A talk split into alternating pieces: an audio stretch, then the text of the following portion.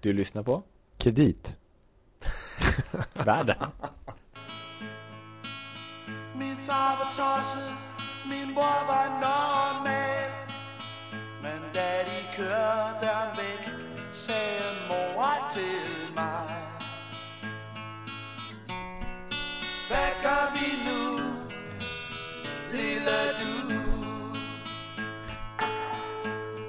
Kanske för första gången i den här podcasten Kreditvärldens historia så hör man verkligen vilket land vi som jobbar eh, med den här så att säga tillhör, höll jag. Vilket land den bank på vilken vi jobbar tillhör, eller hur Louis? Ja men visst var det härligt. Det där var väl eh, norska eller? Eh, nej. Nej, ja danska. Ja. Vi arbetar på den danska bank. Det var ju, det är så skönt det här med gasolin. Och de ställer ju den rätta frågan här. Vad gör vi nu, Lily Do? Och med Lily Do, då tänker vi naturligtvis på Roger. Lilla jag och Fritiof Andersson. Eh, jo, eh, det är helt riktigt. Jag skulle... Jag hade inget mer att säga. Jag vill bara passa på att säga att ja, det- Roger Josefsson, chefekonom på Danske Bank. Och Lo, innan var det Louis Landeman, chef för kreditanalysen på Danske Bank. Ja, Och sen har vi ju Gabriel Bergin också, kreditstrateg på Danske Bank. ja det är jag. Men nu Roger får du fortsätta. Nej, ja, nej, jag, jag tänkte bara, vi, det här andra seminariet, det handlar ju mer om det här flexicurity som är den danska arbetsmarknadsmodellen. Eh, och vår förhoppning när det här seminariet började var ju att vi skulle hålla en ganska bred diskussion om eh, de saker som är bra i det danska systemet och hur man kan föra dem vidare till det svenska systemet. Nu hade vi ju eh, spännande nog bjudit in två stycken mer politiskt eh, eh lutande gäster som var fantastiskt roliga att lyssna på men, men som kanske drog det mer åt, åt hållet att eh, vilka, vilka åtgärder som behöver beslutas som så att säga i närtid. Men det finns en hel del spännande Du tänker långsiktigt? jag tänkte väldigt långsiktigt. Det var också det som var min, min tanke när, när, jag inledde seminariet. Var att vi skulle kanske fokusera på det som för långsiktigt driver tillväxten i ekonomin. Nämligen eh, arbetskraften, det vill säga antalet arbetade timmar. Det vill säga det gäller att få så många i jobb och få dem att jobba så mycket som möjligt för att höja BNP. Och det andra det var innovationen. Och båda de här sakerna är faktiskt någonting som danskarna har varit väldigt duktiga på. Okej, på vilket sätt? Ja, eh, det här flexicurity, ska man vara riktigt krass så ska man säga att i, i grund och botten så handlar det ju faktiskt om att det ska vara ganska lätt att både anställa och avskeda folk. Men det går ju också från arbetstagarens sida så att det ska vara ganska lätt och enkelt att sluta. Och man ska samtidigt känna sig ganska trygg när man slutar, det vill säga man har ekonomiska förutsättningar. Det innebär att de har en väldigt hög ersättningsnivå initialt i sin arbetslöshet och så faller den ganska snabbt och brant ner då. Men Roger, rätta mig om jag har fel. För att om jag förstår det rätt, bara för att så man förstår det här hur det fungerar i Danmark, så är det så här att till exempel har de inga turordningsregler. Så att man kan i princip välja ut vem man vill och säga upp. Men om man gör det så får också den som blir uppsagd väldigt normalt en ganska hög ersättning vid uppsägningen. Det är liksom det som är tricket lite grann kanske, eller? Eh, alltså Sverige... Och bara, vad har det med produktiviteten att göra? För jag trodde det var det du ville prata om. Det har väldigt mycket med produktivitet att göra, framförallt på lång sikt. För det blir så att allokeringen i samhället blir väldigt mycket bättre då eftersom folk så att säga, söker sig dit till de jobb där de kan få högre lön. Och de jobb där de kan få högre lön, ja det är ju företag och, och verksamheter som går väldigt starkt, det vill säga där produktiviteten oftast är väldigt hög. Eh, och det visade sig också när, när vår, vår danske gäst pratade att det var precis det som hade skett. Att en stor del av de löneökningar som hade skett för de danska arbetarna, de handlar ju inte mer om de här eh, avtalade löneökningarna. De handlar ju faktiskt om att man hade bytt jobb till bättre, bättre betalda jobb helt enkelt. Just det. Apropå vår danske gäst. För att du hade bjudit dit eh, eh en dansk professor. Mm, Nils eh, Westergård Nielsen. Precis. Och han ju gjorde, tycker jag, ett föredömligt arbete med att förklara hur det danska systemet funkade. Eh, sen utgår ju han, precis som de flesta andra, från sina egna erfarenheter och försökte sätta dansk, eh, den danska utvecklingen i perspektiv. Så han fokuserade väldigt mycket på hur efterkrisutvecklingen har varit. Och den har ju varit väldigt negativ. De har ju haft en enorm, eller hade en väldigt stor, ja, helt enkelt fastighetskrasch i Danmark som de fortfarande lider under. Vi, du, jag, du och jag Lo, vi pratade ju lite grann efter seminariet. Och bara för att förtydliga det här seminariet. Det var ju alltså i Almedalen eh, 2016 där vi faktiskt fortfarande sitter kvar och spelar in det här lilla eftersnacket. Men som sagt, vi, direkt efter seminariet så pratade du och jag Lo, med Nils. Eh, lite grann om vad Flexicurity är eh, och hur det fungerar i Danmark. Ska vi lyssna på eh, hur det lät? Men jag tänker vi lyssnar på det för han förklarar ju både lite grann, lite mer om vad det är och lite kanske för och nackdelar som han har sett eh, från sitt danska perspektiv. Så det är väldigt intressant. Men då står vi här med, eh, med Nils eh, från CBS. Ja. Copenhagen Business School. Ja. Alla i Danmark vet vad CBS betyder, men, Det ved vi. Ja. men inte i Sverige kanske. Så att Louis, nu har vi ju, Handels, det er den lokale Handels. just det, Handels filial. Nej, inte falskt. Nej, inte riktigt. Som Handels. Men Louis, nu har vi lyssnat här på Nils och även svenska politiker och Roger om det här med flexicurity. Har du någonting att säga innan vi... Ja, men att det var ett väldigt intressant seminarium tyckte jag som vi hade nu om just det här danska systemet Flexicurity. Uh, och det, vårt uh, så att säga, uh, frågeställning, vårt spörsmål var, är det här någonting som vi skulle kunna ha lite mer av i Sverige? Men Nils, du kan väl bara lite kort Eh, uh, fortælle lite om, vad är Flexicurity? Vad är basics?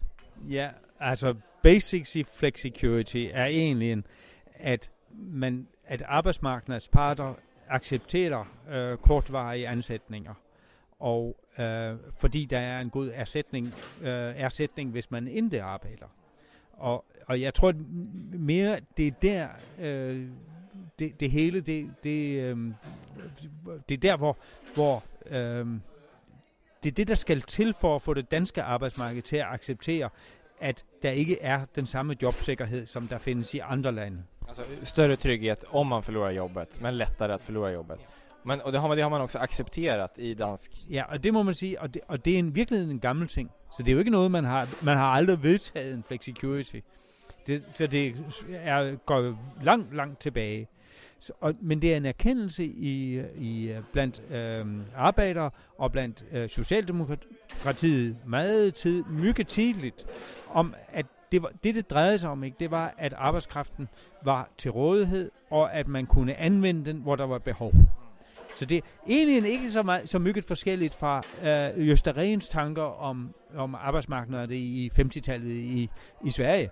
Men, men, men forskellen er, at man, i Sverige har man forestillet sig, at man havde disse store foretag, som kunne give langvarig ansætning. Hvor man i Danmark har en, en, altid har haft en opfatning af, at der fandtes mange små arbejdssteder. Og at de skulle have det skulle have let ved at skaffe sig arbejdskraft fra, fra andre steder, som inte havde det samme behov her og nu. Uh, och då fick vi se i din presentation som du hade att på, en, på ett sätt så har det varit en, en, en typ av succé i Danmark att ni har lägre arbetslöshet än vad man har i Sverige. Men sen konstaterade du också att ni har en växande grupp uh, personer som nu kanske står helt utanför arbetsmarknaden. Kan man säga så? Så det är inte enkom positivt Ja, så det sidste, det vi har en voksende gruppe uden for arbejdsmarkedet, det tror jeg har ikke noget med flexicurity at gøre. Men det har nok noget at gøre med, at man har været vældig dygtig til at skubbe folk ud af, af, af arbejdsløshed ved at tilbyde dem andre ting. Og, og der er ligesom gået konkurrence i det, at skubbe folk ud af arbejdsmarkedet. Så det har, og det er jo faktisk noget, man har gjort i Sverige, i, når vi er tilbage i 90-tallet, så var svenskerne, så, og i 80-tallet, så var Sverige vældig god til det. Men, men det har vi så taget over fra, fra, Sverige. Så man kan tänka sig att vi kan lära lite av varandra, måske? Jamen, jamen, jamen, jeg tror, vi lærer noget hele tiden af hverandre. Så. Og der er jo heller ikke nogen tvivl om, at Sverige har, i den sammenhæng kan man sige, at Sverige har på de seneste år, de har, Sverige har klaret sig mygget bedre i krisen, end Danmark har. Men det skyldes andre, det skyldes andre forhold. Og det, Det är som det tror jeg ikke har noget med flexicurity at gøre. det är bostadsmarknaden till exempel. Ja, og bostadsmarkederne og bostadspriserne, og, og det har noget med finansieringen at gøre, efter min mening, og det har noget med erhvervsklimaet for, og det, og det er en vigtig ting i det her, i, for, de, for de mindre foretag. Og øh, for de store foretag i Danmark har det ikke været noget problem, men for de mindre har det været et problem. Men jag hade en annan intressant bild också som var på eh, näringslivsstrukturen i Sverige och Danmark och att i Sverige så har vi faktiskt väldigt många små företag. Eh, vilket man kanske tror att vi bara har väldigt många stora, Sandvik och de här stora. Men Jo, alltså eh, man kan säga att om man har många små företag så är det ju väldigt viktigt att man har ett flexibelt arbetsmarknad. Men, och, det, och det har man givetvis också i Sverige, för man har ett uofficielt arbetsmarknad som, som fun- på en, på en annan sätt. Men, og det gør det også i Danmark. Ikke? Øh, så, men derfor er det jo vigtigt, at man, i, og det mener jeg, at vi, det har jeg i hvert fald indset betydningen af, at man har en, en erhvervspolitik, som kan hjælpe de de små företag. Och där är Danmark och Sverige faktiskt øh, nogenlunde ens. Sverige har faktiskt fler små företag än vi har. Det visste jag inte før jag undersökte det här. Och det tror jag är en overraskelse. Men, men, men det är ju väldigt viktigt att, en, att man har en underskov av nya företag som kommer upp och, och kan lave sysselsättning. Spännande. Mycket viktiga frågor och tack så mycket Nils för att du kom hit och lärde oss lite mer om det så spännande flexicurity i Danmark. Tack, jag har lärt mycket av det här också. Vad härligt, alla lär sig, det är bra. Nu ska vi se vad Roger har att säga också om det här. Det var ju faktiskt ganska spännande.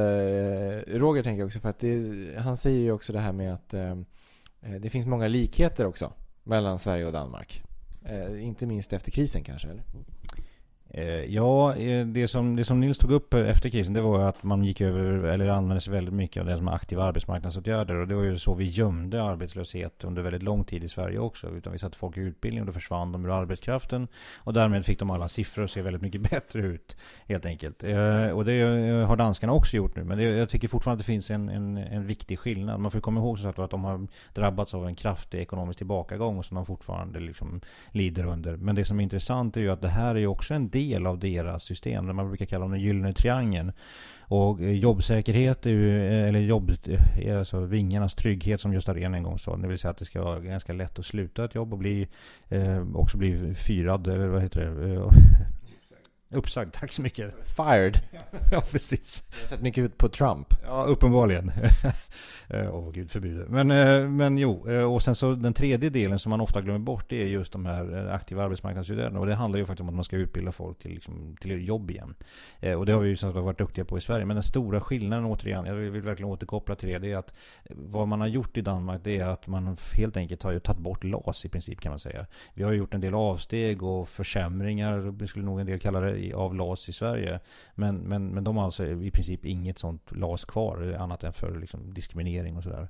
Det som, det som man då har fått betala så att säga till arbetstagarna för att, för att få så flexibel arbetsmarknad, det är ju faktiskt just att de får en högre ekonomisk trygghet. Men det låter ju väldigt eh, hårt kan man tycka. Eh, uh, men Nils tog ju upp en sak som var väldigt intressant på slutet igår av sitt anförande. Han sa att just nu i Danmark så pågår det ett stort experiment, sa han, som blir väldigt intressant att se och följa. Vad var det han sa för någonting där? Ja, ska jag vara riktigt ärlig så tycker jag att det är ett ganska illaluktande experiment. Eh, för där pratar man ju om att man ska ha lägre löner helt enkelt för invandrare. Eh, och det är klart att eh, om man pratar om lägsta löner generellt så är det ju en sak. Men det är ju något helt annat när man säger att de, just de som har invandrat hit eller nyanlända, att de just, oavsett vad det är för arbete de gör, så ska de få samma lön, eller få en annan lön än, än, än danskar. Så jag tycker väl inte att det låter, eller, eller låter som ett speciellt aptitligt sätt att experimentera. Men, men lägst, sänkta lägsta löner är väl ett sätt att få in många som står långt ifrån arbetskraften och få in dem i arbetsmarknaden förstås. Men är det inte precis det man diskuterar här i Sverige? Att försöka hitta sätt att just komma ner i att om man pratar om att det kanske tar åtta år att komma in på arbetsmarknaden från en nyanländ nu, att det är alldeles för lång tid. Att det här skulle kanske precis kunna vara ett sånt sätt då, eller? Kan det inte vara värt, kan det inte vara värt då att prova det? Eller? Eh, jag, sänkta lägsta löner, ja, visst. Men, men jag tror att, att eh, återigen, eh, vad det handlar om det här experimentet som han pratar om. Det handlar ju inte om sänkta lägsta löner. Utan det handlar om att just invandrare ska få sänkta löner. Och det, det är det jag liksom vänder mig emot. Det är en sak att säga att vi ska ha lägre ingångslöner och, och sådär. Men det är en annan sak att säga att de, de enda som ska få de lägsta lönerna eller sämre löner, det är invandrare. Det är det som kan jag tycka är lite problematiskt. Mm. Om vi tittar, för- det kanske lite grann handlar, i början så pratade de om det här att man ska få upp antalet arbetade timmar och man ska få upp produktiviteten. Och det här med till exempel som ni pratar om nu med lägstalönerna, det är väl framförallt kanske för, påverka det första. Att få eh, fler jobb och helt enkelt eh, på det sättet. Eh, om vi tänker på det här med produktiviteten. Eh, hur har det sett ut där efter krisen i till exempel Danmark? Har man haft samma dynamik och skap, som vilket har skapat liksom, produktivitetsutveckling till följd av att människor har sökt sig till högproduktiva sektorer och allt det här? Har det skett där liksom? Och varför inte i så fall? Eh, nej det kan man inte göra. Alltså utvecklingen, för, återigen, det, det, här, det ska man verkligen understryka. Flexicurity är inte liksom någon universallösning eller medicin. Och det danska systemet har en massa liksom, eh, avarter och defekter. Men, men vad seminariet handlar om att det finns en del delar av det som har funkat långsiktigt. Eh, utvecklingen efter krisen i Danmark har varit svår. De har haft låg produktivitet och det här så att man, man är kvar, det syns ju också i statistiken, man är kvar betydligt längre på jobben i Danmark idag än vad man var före krisen till exempel. Så den här omallokeringen omallokeringen som funkar så bra under det här Flexicurity, den har inte varit riktigt lika framgångsrik efter krisen. Men, men vad vi pratar om här är ju att skapa ett nytt system, och det vill säga att det ska förändra strukturerna i samhället. Och tittar man tillbaks till 1970, ska man komma ihåg att det här är ett system som mer eller mindre har varit igång sedan slutet av 1800-talet. Det har ju gett upphov till ett, ett danskt näringsliv som består av betydligt fler eh, små och medelstora företag än det svenska. Och där vet vi ju att också en stor del av, av, av, av jobben faktiskt skapas. Men det viktigaste är också att den här omallokeringseffekten, för då ser man att produktiviteten stiger. Produktiviteten långsiktigt är det som förklarar löneutveckling. Ja, precis. Men jag tänkte bara, för Nils visade en graf på eh, att i Sverige så har vi fler så här, riktigt små företag än man har i Danmark som andel av totala mängden företag. Och jag tänkte precis fråga, men nu sa ju du i princip emot det, men jag tänkte fråga, tyder inte det på att vi har en hyfsad dynamik på svensk arbetsmarknad? Att det finns till exempel just så många små, riktigt små företag? Eh, jo, det, alltså det gör det. För, för det är ju helt riktigt. Men det, det som är intressant med just den där grafen det är väl att där funkar ekonomiska incitament. För man ska komma ihåg att svenska småföretag idag kan ju faktiskt ha avsteg ifrån turordningsreglerna. Så för svenska små företag så finns ju, eller så gäller ju i princip inte LAS. Och det var väl det som hans graf visade. Vi har ju också det här med bemanningsföretag i Sverige som har växt väldigt kraftigt och det är väl också ett annat sätt att komma runt det här. Så kan man inte säga att vi på sätt och vis har hittat kanske vägar som har skapat ett sorts flexicurity i vårt svenska system redan, eller? Eller menar i praktiken är det redan så? Ja, fast det har inte skapat riktigt lika stor omvandling och det är det som är problemet. Att eh, om, du, om du känner att du inte trivs på ditt jobb eller att det inte är rätt sak så, så går, du inte, går du inte. Utan då, i bemanningsföretag så får du liksom, blir du omskyfflad till något annat företag i ungefär samma sektor eller det du har långsiktigt hållit på med. Men i Danmark är det faktiskt så att det, dels har du alternativet med någon form av utbildning. Eh, eller så söker du det helt enkelt som du har så gott, god ersättning. Eh, att du söker det helt enkelt till någonting som du tycker bättre om eller startar eget eller vad det nu är för någonting. Och sen så en sak som kanske kan verka lite anekdotisk men jag, tycker, jag tror ändå att det är en viktig aspekt av det. Det är ju också att man får inte glömma bort att till skillnad från svenskar så är ju danskar bland, eh, jag vet inte om det var det, eller bland de två eller tre lyckligaste folken i världen. Och jag tror nog att det har någonting att göra med att man faktiskt också kan hitta en meningsfull sysselsättning. Vad spännande. Mm. Då får vi se om eh, ja, kanske nästa års Almedalen eller liksom på lite sikt att politikerna också, du var lite besviken där på deras eh, perspektiv men kan ta igen dina långsiktiga rekommendationer Roger. Ja, det finns ju en del som gör det. Det är ju inte så att det är, det är helt för döva öron. Men det som, det som är problemet när man pratar med politiker, som jag tycker vi upplevde igen på det här seminariet, det var väl snarast att man fast, fastnar i en diskussion om att vi ska importera hela eller det här danska systemet till fullo. Och det är ju inte alls säkert, för det finns en massa defekter. Men vi ska ju faktiskt lära oss av det som är bra med det danska systemet. Jag tycker det är väldigt kul att man kan lära av sina grannländer. Att det är också intressant att det kan vara ändå relativt eh, olika när, när man är så nära varandra så att säga. Så superspännande. Jag trodde du skulle säga att du tyckte det var skönt att vi hade den här liksom effekterna som motverkade att dina anställda till exempel byter arbetsplats. Mm Gabriel, tänker du på något speciellt nu? Nej, eller jag menar vad skulle du säga då? Skulle du spela någon låt eller? Ja, vi kanske helt enkelt hoppar vidare till... Ja, men, eh, för jag tänkte på det här Roger, du pratade om sådana här vingar och grejer. Mm. Ja, eh, Gösta Rehn var en klassisk arbetsmarknadsekonom som ju faktiskt, det får man nog säga, definierade den svenska modellen en gång i tiden. Han pratade ju om, om eh, eh vingarnas trygghet. Och med det menar han att det, det, skulle vara, om man nu slutade sitt jobb eller blev, blev fyrad från sitt jobb, jag fortsätter med fyrad, eh, från sitt jobb, då, då, då skulle man ändå känna sig trygg, ekonomiskt trygg. Det. det. finns ett annat begrepp som är kanske lite mer, som är lite nyare och lite mer anglosaxiskt som är fuck off money, som mer handlar kanske om att man ska ha en egen buffert ifall man vill göra något annat eller blir tvingad att göra något annat än det jobb man har idag. Men det är väl inte så nytt. Anne Wibble sa ju att man skulle ha en, var en eller två årslöner på bankboken. Eh, för... Även, även, om man inte använder just det begreppet kanske. Ja, men det där, allt det här pratet om vingar har gjort mig törstig på sen. Nej. Nej, vad jag skulle säga var att det fick mig osökt att tänka på en låt som heter Fly on the wings of love. Vi kör ju lite danstema idag. Ja, det är de här bröderna Olsen. Yeah. Det kunde, väl, kunde inte det få avsluta det här avsnittet Gabriel? Så skulle jag bli så glad. Så... Ska vi inte sjunga med lite grann då också? Fly on the wings of love Ja, du gjorde det på riktigt också. Ja, det... Och själv kan jag väl understryka. Vi var inte beredda. Nej. Vi lämnar över till bröderna Olsen, då blir det bra.